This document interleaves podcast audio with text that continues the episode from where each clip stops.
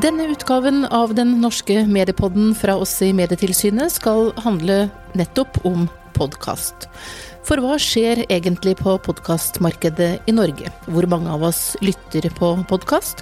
Hvordan ser konkurransebildet ut? Og er det noe penger i det for produsentene? Det er noe av det vi skal snakke om i dag. Og så må jeg innledningsvis beklage at det tidvis er litt dårlig lyd i dagens utgave, men jeg håper dere lyttere blir med oss videre likevel.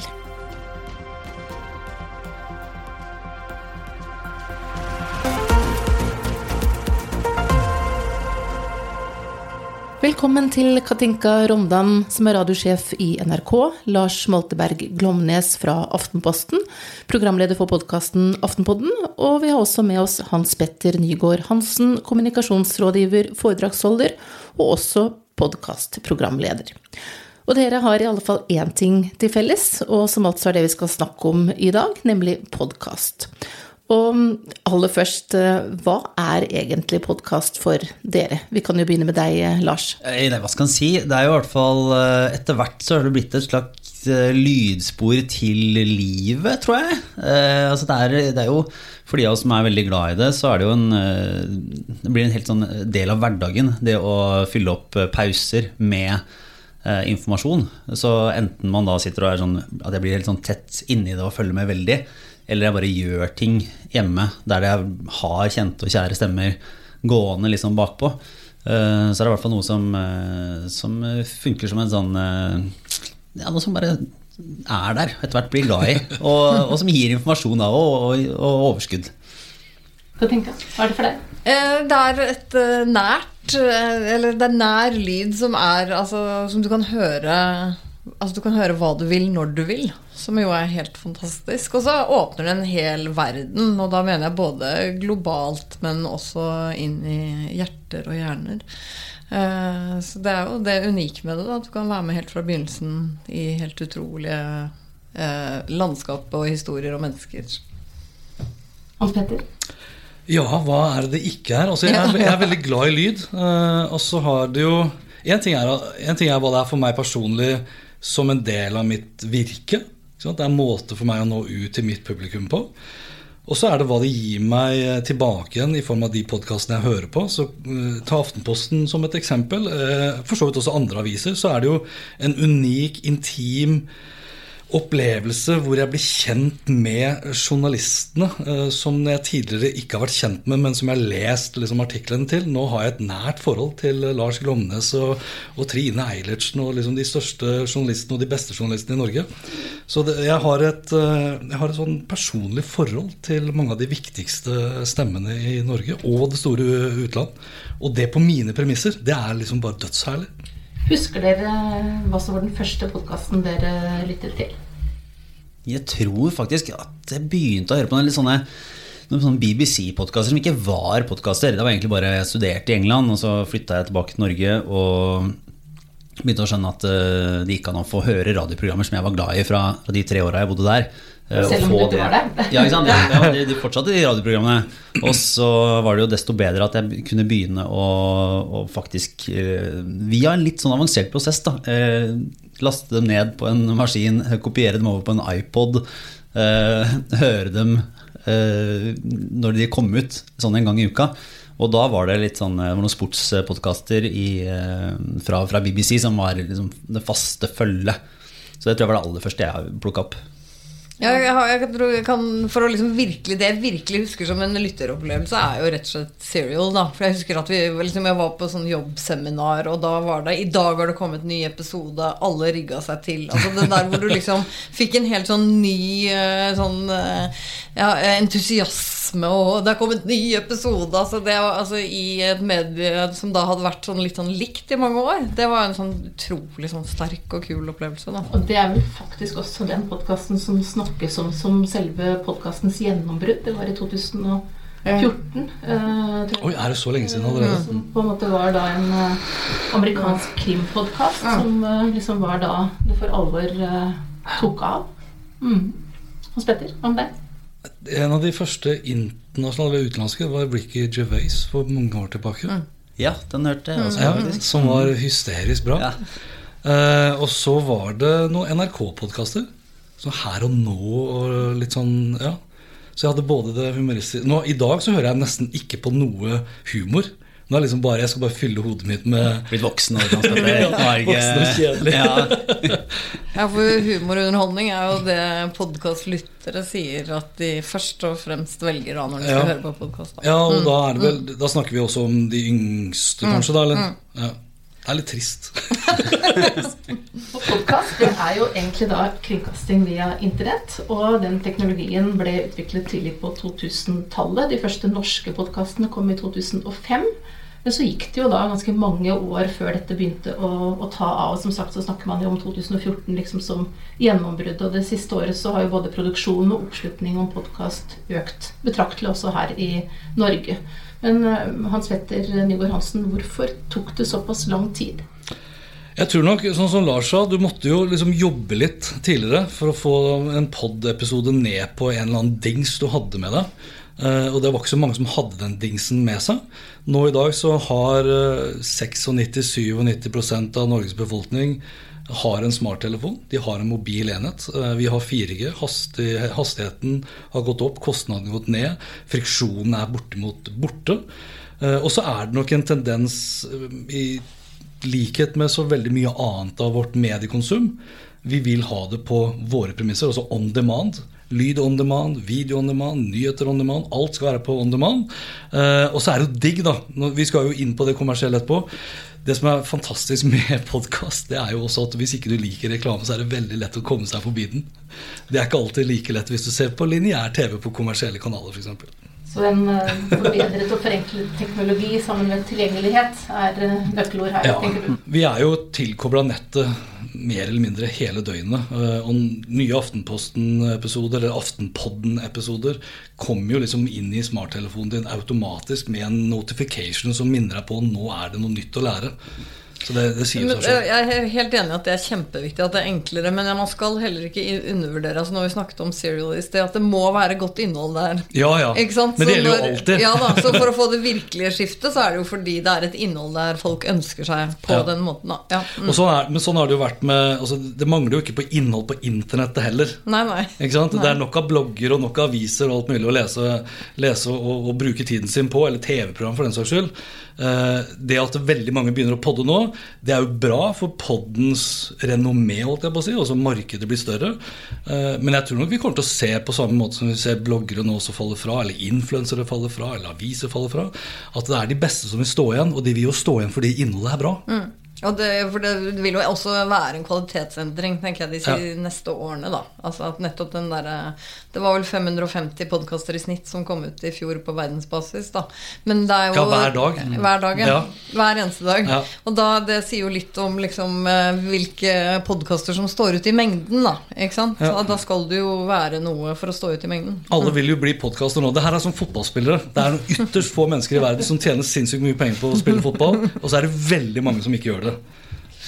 NRK var jo tidlig ute med podkast, radiosjef Katinka Rondan. Det var kanskje ikke så rart, eh, siden lyd jo alltid har vært en del av eh, kjernevirksomheten til NRK. Um, Si litt om hvordan NRK ser på dette med podkast. Er det bare en ny distribusjonsform for dere, eller ser dere på podkast som et eget produkt? Ja, det er, det, er, det er jo på en måte begge deler, men det er veldig viktig å se eh, podkast og radio altså, i forhold til hverandre. Og det er jo nettopp det der at det brukes på ulike måter. Eh, så vi ser det jo som et eh, eget produkt der man lager podkaster som er laget for å være podkaster. Og ikke liksom Fordi det man kunne gjøre tidlig, var jo mer å på en måte resirkulere radioen, eller gjøre Her og Nå, som var et radioprogram. Det er jo egna også på Noen radioprogram er også egna på, på podkast, noe P2-innhold, f.eks. Men- begge deler. Dere har radioprogram som dere da sender som podkast, og så har dere også uh, podkaster som er utviklet for å være podkaster. Ja, og det er jo for eksempel både Radioresepsjonen og Lørdagsrådet er jo også populære podkaster som eh, også er radioprogram, eller først og fremst radioprogram. da. Men hvordan Så det- tenker dere da i forhold til hva som er det ene, og hva som er det andre? Eh, Jeg tenker jo at du kan se på det på tre måter. Det ene er eh, Jeg tror jo at eh, altså, Podkast har i stor grad også preget hvordan man bruker lineære radiokanaler. Som jeg mener er en veldig god ting, for det gir nyskapning også til radio. Og så man må se på hva er det beste med direkte radio, og hvordan kan vi videreutvikle det. Og hva er det beste med en podkast, og hvordan kan vi bygge det og styrke det og satse på det. Og så er det noe som vil ligge i landskapet også midt imellom, hvor vi kan hente ut fordeler hos eh, hverandre. Men altså, jeg tror man heller skal se på det i en helhet. Det er jo også sånn at det er mye rad... Altså, pod, det er jo en del podkastlytting på kvelden. Der har jo vanligvis ikke radio vært så sterk. Så jeg tror man i mye større grad skal se det på eh, som to plattformer som utfyller hverandre, enn at de er konkurrenter, da. Lars Molteberg eh, Glomnes, Aftenposten, eh, har ikke holdt på så lenge med dette. Si litt om eh, når dere kom på banen, og hvordan dere har tenkt rundt dette med lyd og podkast. Altså Det har jo beveget seg veldig fort. I eh, 2015, da vi begynte med Aftenpodden, så må jeg innrømme at bitter nok så var jo VG først ute med det som da var Gjever og Joffen. Og jeg husker det var på våren da i 2015 og jeg tenkte at liksom, filler'n ass, eh, VG kom det, så det hørtes uh, gøy ut. Det var en måte som jeg konsumerte politikknyheter på, som jeg syntes var, var veldig god. Var behagelig, fikk- holdt meg oppdatert. Og tenkte litt sånn flatas, irriterende at eh, VG skulle komme komme med det. Uh, og så gikk det jo litt tid, og så tenkte jeg sånn, det kan jo hende at det er plass til mer enn én politikkpodkast i Norge. Og, og det var det. Og da var det Jeg skal ikke ta hele historia der, men, men vi var, da var det dette på et tidspunkt der, der det egentlig starta. Jeg sendte et par tekstmeldinger til eh, Trine Eilertsen og Sara Sørheim og spurte skal vi lage en podkast. Og så spurte jeg sjefen min på avdelingen kan vi prøve. Og så to uker seinere så var den første episoden ute. Og vi kasta oss i gang. det er ikke så mye som skal til før man kan starte opp. Egentlig så kan hvem som helst gjøre det. Ja, terskelen er det veldig, veldig lav. billig utstyr, og man får det ut. Men da løp dere til et eller annet, en eller annen butikk og kjøpte noen mikrofoner? og så... Nei, det var, vi, har jo, vi har jo da hatt eh, måte nett-TV, altså som, eh, som Aftenposten-TV, så det, sto noen mikrofoner der, og var egentlig bare å prøve. Og vi begynte jo med skranglete lyd og alt mulig rart, og, og et konsept som var løst fundert. Eh, Hvordan var responsen da? Nei, da, da er det jo det, det som er veldig fint når man starter en podkast, er jo at eh, eh, i hvert fall de som hører på, er jo stort sett fornøyd. De som ikke er fornøyd, de hører ikke på lenger. Så i motsetning til radio, der du måte, tvinger deg inn i folks hjem og biler og alt mulig rart, og sier ting som de syns er idiotiske, så er det på en podkast så eh, snakker du bare til på godt og vondt, da. Bare til menigheten, egentlig. De som oppsøker deg. Ja, ikke sant? Sånn at hvis, eh, hvis du bare får litt nye folk hver uke, så kan de som ikke liker det, falle fra. Og så, og så kan man takknemlig nok føle at man eh, får masse, masse godord og godkjennelse fra de som hører på. Eh, så sånn sett så er, det er det blitt ganske mange. Ja, ja, det, det er jo heldigvis det, da. Så mange for- som lytter nå? Nei, nå er det jo litt sånn ulike tall, men det er jo en sånn omtrent 70 000 nedlastninger i uka, da. Så, så det er et, det er, jo- Som en mediekanal så er det jo veldig betydelig, for nå er jo vi såpass etablert med Aftenposten at de som hører på, de hører egentlig hele. Eh, Og i tidsbruk så eh, er jo det på høyde med si, alt annet vi driver med. Men tror du at dere med dette når andre enn dere gjør med Aftenposten i andre kanaler? At det er eh, mennesker som kanskje ellers ikke hadde lest så mye om politikk, som får med seg da noe gjennom denne podkasten? Vi vet i hvert fall at de er veldig mye yngre. Altså Snittalderen på en eh, Aftenpodden-lytter er eh, 25 år yngre enn snittleseren på avisa. eller et eller annet. Det er noen tall som viser at det er en Det kan godt, det er jo den mest interesserte og, og sånn sett eh, politisk engasjerte delen av Norge du uansett når. Da, for vi er jo ganske smale og nerdete. Men, men det, det engasjerer jo en helt annen gruppe enn den tradisjonelle Aftenposten-leseren. Og det antar jeg at gjelder for de fleste podkastlyttere. Ja, altså, sånn Podkastlytting totalt, så så jeg noen tall i dag på at det ikke er så langt mellom hvor mange som leser avis og hvor mange som hører en podkast. Altså, ikke sant? altså at man kan nå de like godt på en podkast som Men jeg trodde kanskje det supplerte. Det, det, var, det er min opplevelse. at Det supplerer. Det var litt sånn som The Daily, for eksempel, som vi så konsekvensene Ja. av. Hvor eh, lytterne på The Daily, altså New York Times sin podkast, de lurte på hvordan de kunne betale for det fantastiske produktet Daily, og så solgte man da avisabonnenter eller abonnement på bakgrunn av det. Men når du sier 25 år yngre altså jeg, Jeg er jo Ja, ja. ivrig. Generelt så viser jo i hvert fall undersøkelsen at, eh, at det er aldersgruppen 15 til 44 som lytter mest på podkast. Så dette er kanskje den muligheten for å nå de yngre, rett og slett? Ja, for flere av dere? Og jeg tror at eh, si, Det er jo ofte et, altså det er jo supplerende, og vi har sett på brukerundersøkelser av de som hører på både Aftenpodden og Forklart, så er jo det altså Det er jo en merkevarebygging for oss også. Det styrker, De har mer tiltro til Aftenposten, de får mer interesse av å lese Aftenposten, og de er mer villige til å betale for Aftenposten. Så Ja. det er jo et, sånn, et, et markedsmessig kinderegg for oss å, å nå ut til eh, omtrent halvparten av de som hører på, er vel ikke abonnenter. Da. Og da er jo en, en, forhåpentligvis er det mer aktuelt for dem å begynne å abonnere etter å ha hørt på oss i et par år. Hans Petter, dette er jo i ferd med å bli et uh, voksende marked. Uh, mange har begynt med podkast, både av etablerte aktører og nye aktører. Det er mange sjangre. Um, så hva tenker du om uh, markedet sånn som det ser ut i dag? Tenker du det kommersielle markedet? Jeg tenkte først på ja, tilbudet, da, egentlig. Tilbudet, ja. Altså, det er jo, det er jo holdt på å si, det er både og. Det er jo et veldig bredt tilbud. Og så er det enkelte kanskje demografier hvor tilbudet er litt mindre, også for de aller yngste. Eh, Så tror jeg nok det her kommer til å gå seg litt til etter hvert også. Uh, og så er det jo fortsatt slik at uh, de som i stor grad hører på podkast, de bor i de største byene, de har god utdanning, de blir gjerne regnet som veldig moderne. Og da får man jo fortsatt en slags sånn elitistisk merkelapp da, på den klassiske podlytteren. Og det, Er det sånn dere to som eh, Jo, ja, altså det har vært sånn det er Jeg er helt enig i at Men jeg tenker jo at vi ser tendenser. Altså F.eks.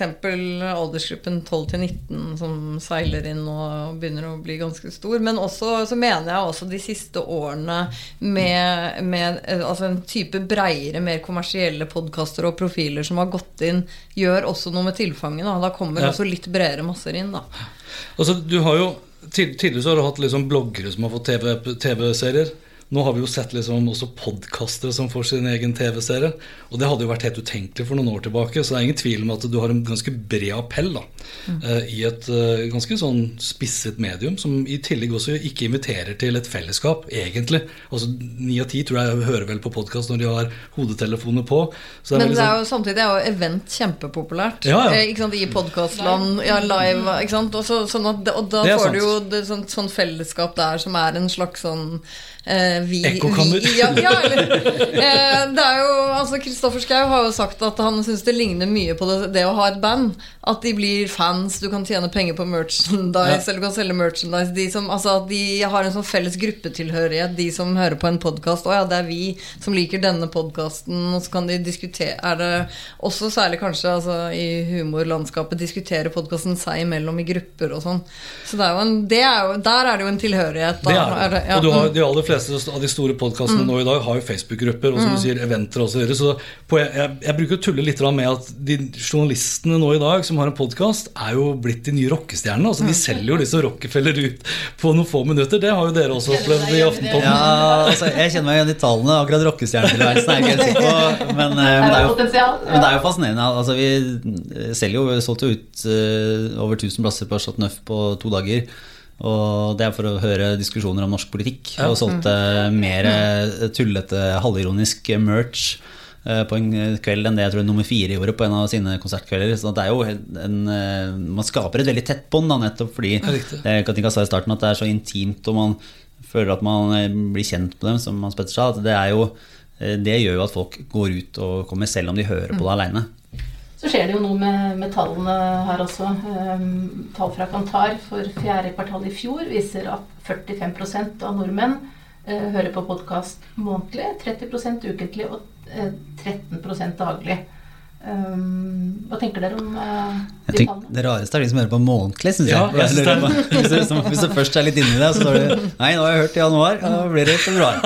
Uh, men det, nei, det, det går jo oppover og framover, da. Kanskje det er sånne binge-lyttere som liksom bare hører masse av en episode én gang i måneden. Eller sånne serier og sånn. Altså jeg, jo, jeg husker jeg skrev en, jeg skrev en bloggartikkel for jeg tror jeg tre år siden. ja. Hva er en podkast? Og den har liksom, det er egentlig den mest leste artikkelen min ja. år ut og år inn. Også. Så det er veldig mange fortsatt som lurer på hva en podkast er. Og så husker jeg Trigger hadde den her tillitsundersøkelsen for eh, tre års tid tilbake. Og da var det jo veldig mange som hadde høy tillit til NRK, og så hadde de veldig lav tillit til pod. Eller podkast, hvis vi skal bruke hele ordet. Eh, Mens de mest populære podkastene for tre-fire år tilbake, de var jo fra NRK. Så det er, det er litt sånn persepsjoner og litt sånn undring fortsatt knytta til podkast. Hvordan du lytter. Folk flest vet kanskje fortsatt ikke at eh, Apple Podcaster ligger liksom på smarttelefonen din. Så det er en nå 13% bare. Det er et veldig lavt tall. Men det er jo veldig, sant? Er jo den, den er jo nærmere 50% i gruppa 20 til 29. Så det, jo, det har jo mye å si med alder og i noen segmenter, da, som du sier. Og så tenker jeg Hvis du ser tallene i alle aldersgrupper uansett, så, så går det jo bare oppover. Og for I 2015 så var det 5% daglig, det som altså er 13 i dag. Så det har i hvert fall skjedd noe, da. de, Ja, for det er jo nettopp den derre cirka altså sånn, ikke sant, en tredjedel per år, da. Ikke sant? Eller, altså, det er det som er litt sånn jevnt utover. Og det, ja, det, det, er, det skal jo mye til å ikke like høre hva du vil når du vil. Ikke sant? Bare du kommer Ja. inn i det, på en måte. Ja, helt enig. Hva tror dere om utviklingen framover, da? Det jeg, i hvert fall, det jeg tror er at det der podkastbegrepet som kommer til å bli, eh, om ikke utvanna, så tror jeg man ser at eh, Ser litt fra et medieperspektiv at jeg tror kanskje lyd blir mer, det er mer generelt lyd. Altså sånn at du vil, eh, du vil kunne få informasjon i det formatet du vil ha.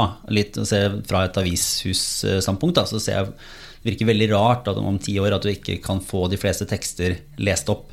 Nettopp fordi at ved å spille det inn så, og legge det ut som en podkast eller som en lydfil, så åpner det opp så enormt mye tid i alles eh, hverdagsliv. Sånn at den tida du har til å lese en avis, liksom de situasjonene i en dag der du kan sitte og lese en avis, de er ganske få, og de er begrensa, og den konkurransen er knallhard. Men alle har noen sånne strekk i dagen sin der de kan ta imot informasjon. Der de kan enten de står og vasker eller stryker eller går tur med bikkja eller gjør alle de tingene som folk flest gjør når de hører på podkast. Det er en eh, for tilbyr, altså for medier som tilbyr informasjon, så er det en gullgruve å plutselig finne fire timer ekstra i noens eh, mediekonsumsjon. Da. Så da tror jeg at, den, eh, at det er langt fra metta det markedet. Det kommer kanskje bare til å bli litt andre former enn den klassiske halvtimen med stoppstart, en eller annen tydelig avsender. Ja, altså, Vi sitter jo og venter på 5G. Jeg tror 5G kommer til å gjøre ganske store endringer på hvordan vi vil konsumere lyd. Eh, Fra i dag, hvor de aller fleste av oss fortsatt laster ned en episode, for så å spille av, så vil 5G tilrettelegge for at vi bare strømmer det. Og når vi bare strømmer det, så kommer jo de som produserer podkaster, til å få helt annen innsikt og data om eh, lyttermønstre. Og når du bare strømmer det, så kommer vi også til å få helt andre muligheter til å personalisere hele brukeropplevelsen. Så kanskje litt eh, Mediapodden, litt Aftenpodden, litt NRK i en personalisert eh, spilleliste, hvor eh, markedsføringen og annonseringen også vil bli, kunne mye mer bli dynamisk eh, plassert. Da. I dag så har Acast og et par andre mulighet til å legge inn reklame basert på noen kategorier og eh, geografi. Mens det vi vil ha, er jo ting som er relevant. Eh, og kanskje vi har eh, opptak av Lars Glomnes sin stemme, som kan lese opp artiklene. Ja, ja. Det, altså, da kan du tenke ut ifra personer som kanskje har dårlig hørsel eller dårlig syn, så blir det plutselig et sånn type velferdsprodukt på toppen av det hele. Og så tror jeg til syvende og sist også at bedrifter i dag må begynne å tenke mer på sin egen lydidentitet eh, enn bare en ren grafisk logo, f.eks.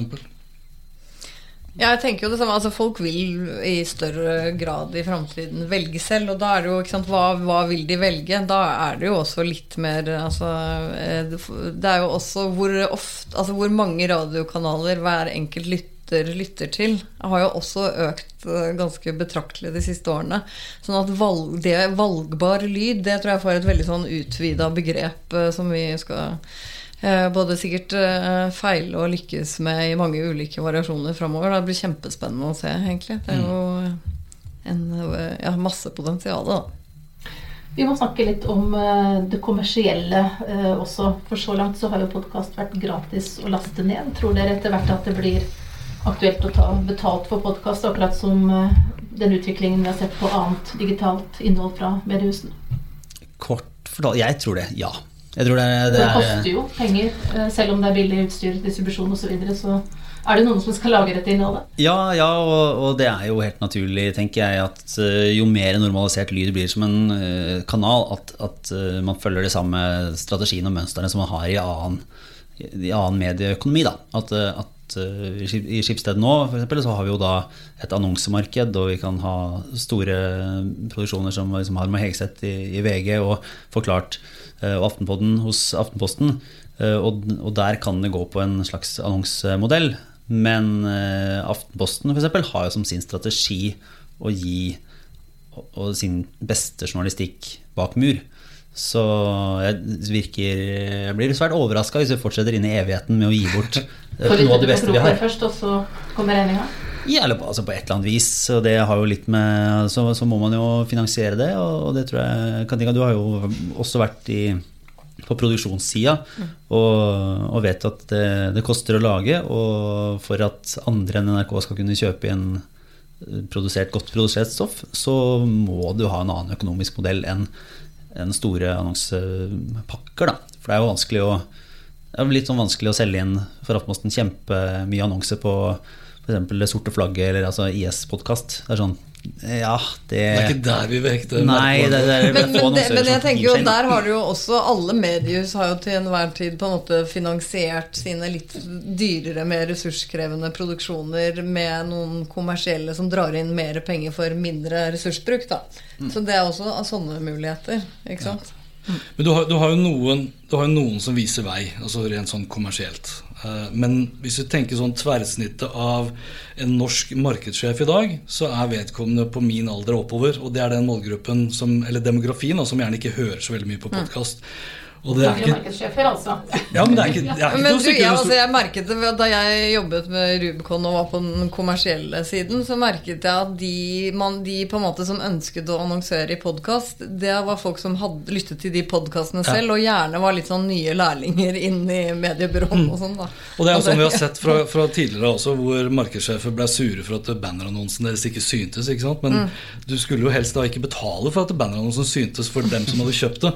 Så det er en utdanningsgreie der. Og så er det nok også en sånn holdningssak fra mediehusene selv på de annonseselgerne. I hvilken grad er det de pusher podkastformatet? I hvilken grad er det produksjonsselskapet pusher det? Fordi det er som du sier, det er mye lettere og mye billigere å produsere en podkast. Kanskje ikke du nødvendigvis da får like mye betalt for den eh, reklamespotten.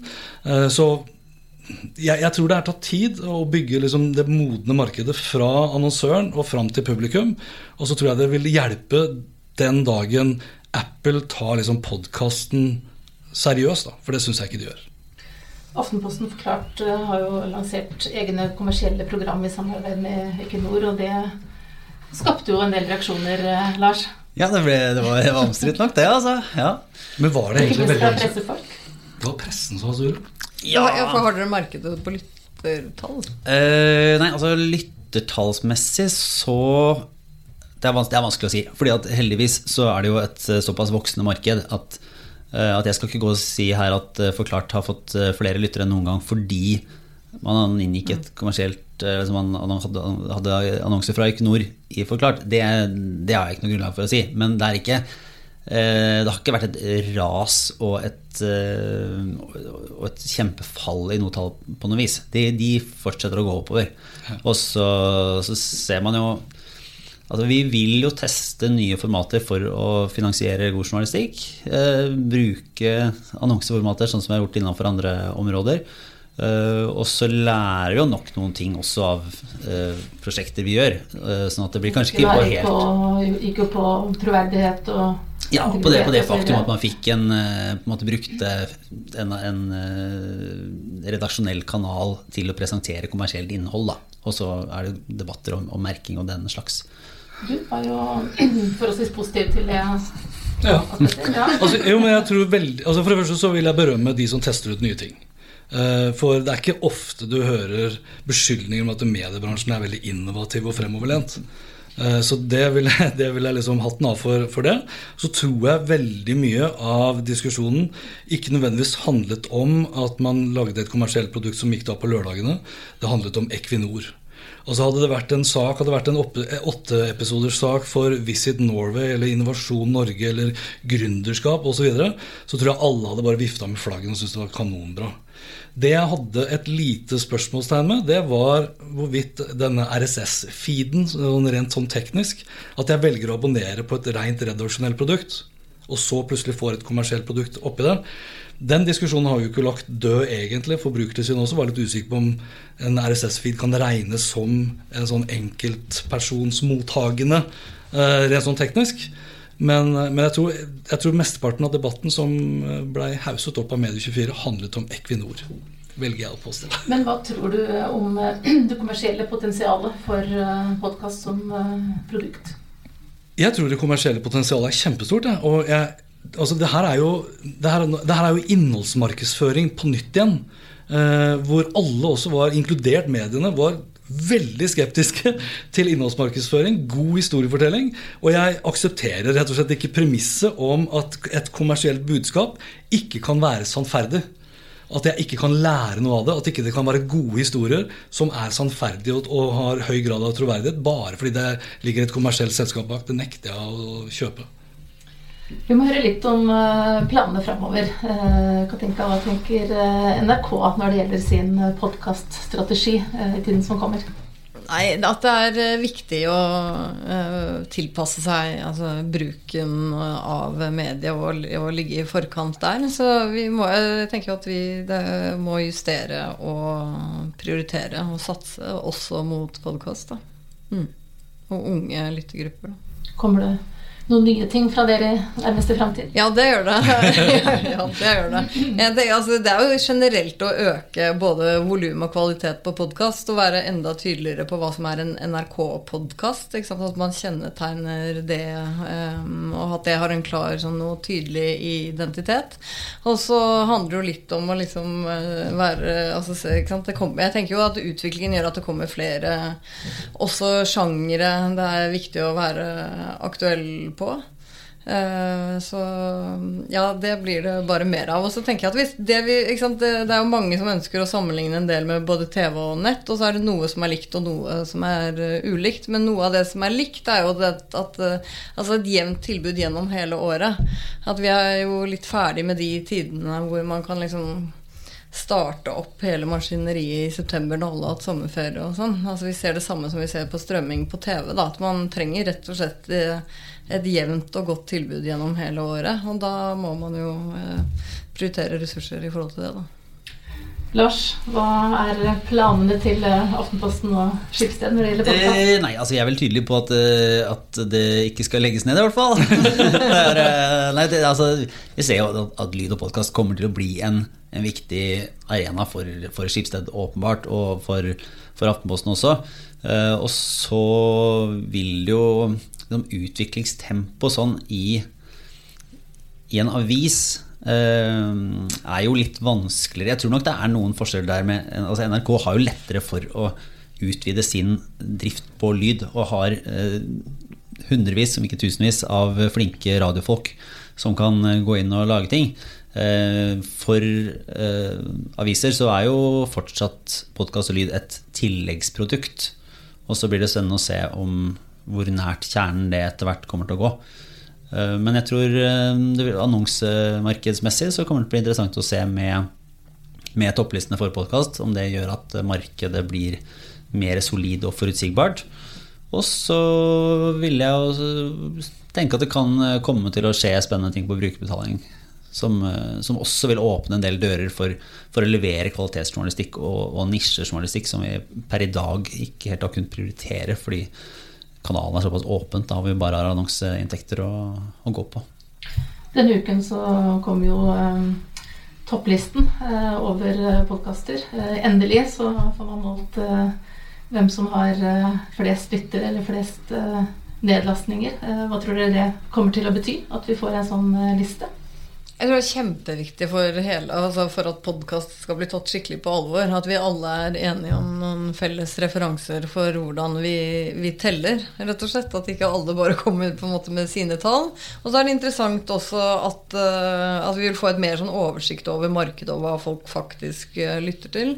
Og så tror jeg det er interessant å se at det, det er jo uke til uke, så den vil jo også forandre seg ukentlig. Sånn at man kan få kanskje At det er lettere også kommersielt. Uh, å, satse på eh, sant, dokumentariske serier, eller fordi at de også kan liksom, toppe listen. At man ser en variasjon der. Men jeg tenker det er, det er kjempeviktig for, eh, ja, for hele podkastmediet, rett og slett. Mm. Helt til slutt så skal dere få lov til å gi eh, lytterne et uh, godt lyttetips. Uh, hvis det er én podkast som uh, vi skal lytte til, hva vil dere anbefale da? Jeg kan altså, jeg må si uh, altså, Aftenposten regner jeg med at alle hører på uansett. Uh, jeg tenker, vi, tenker hvis, vi, altså, hvis, vi, hvis, vi, skal legge som regel at vi ikke kan si egne podkaster ja, ikke sant? Ja. ja. Uh, så uh, Nei, jeg vet ikke helt. Det er veldig veldig mange sjangre. Kan, kan, jeg ta to? Det kan du få lov til. Ja, okay. Da vil jeg sånn eh, politisk, eh, faktuelt og dokumentarisk så liker jeg nå, fordi jeg er nerd på amerikansk politikk, å høre den 538-podkasten til Nate Silver, som jo er veldig veldig nerdete, men har den type humør og liksom flyt som gjør at den kan bare gå eh, bak der og være der. Av uh, andre rare ting så vil jeg kanskje anbefale spesielt, to episoder av den podkasten som heter Reply All som handler om kriminalitetsbekjempelse i New York. Jeg tror den heter Crime Town. Og så er det én og to.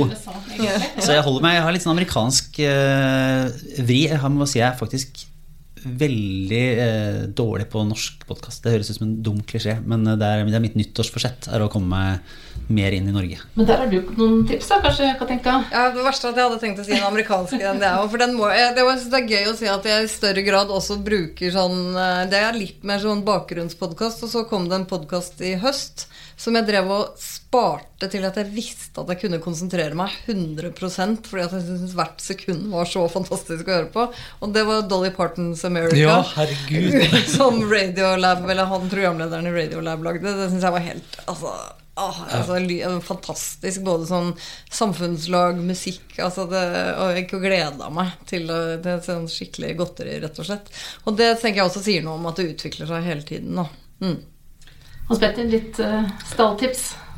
Ja, altså, jeg, altså, To er jo Du kan få si Aftenpodden. Uh... ja, men kan, altså, to er fryktelig kjedelig å si. Jeg,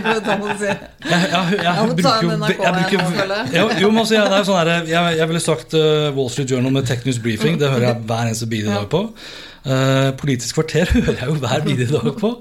Aftenpodden hører jeg jo bare en gang i uka på. ikke sant? Uh, og så har jeg en sånn guilty pleasure. Jeg hører faktisk da på B-laget til TV 2. med noen sånne sportsjournalister som ikke handler om sport, som handler om fjas. Litt fjas i hverdagen. Men jeg har en sånn 20-25 podkaster som ligger inne på min favorittliste. Rekker du noe annet da? ja, jeg har jo jobb og jeg har familie og barn og alt mulig, men jeg bruker liksom alle de, alle de stedene og, og, og, tidspunktene hvor jeg gjør noe aleine. Ja, når jeg sitter på T-banen, når jeg går, når jeg, hvis jeg trener, hvis jeg klipper plen eller vasker i huset, eller hva pokker jeg gjør for noe, så er det alltid rett i på pod bye bye til alle andre rundt meg. Jeg syns det, er bare en drøm. Og med det runder vi av denne episoden av Den norske mediepodden fra oss i Medietilsynet. Takk til radiosjef Katinka Rondan i NRK, Lars Molteberg Glomnes fra Aftenposten og kommunikasjonsrådgiver Hans Petter Nygaard Hansen. Jeg heter Mari Welsand og er direktør i Medietilsynet, og får også avslutningsvis beklage litt dårlig lyd i dag, men også ønske på gjenhør.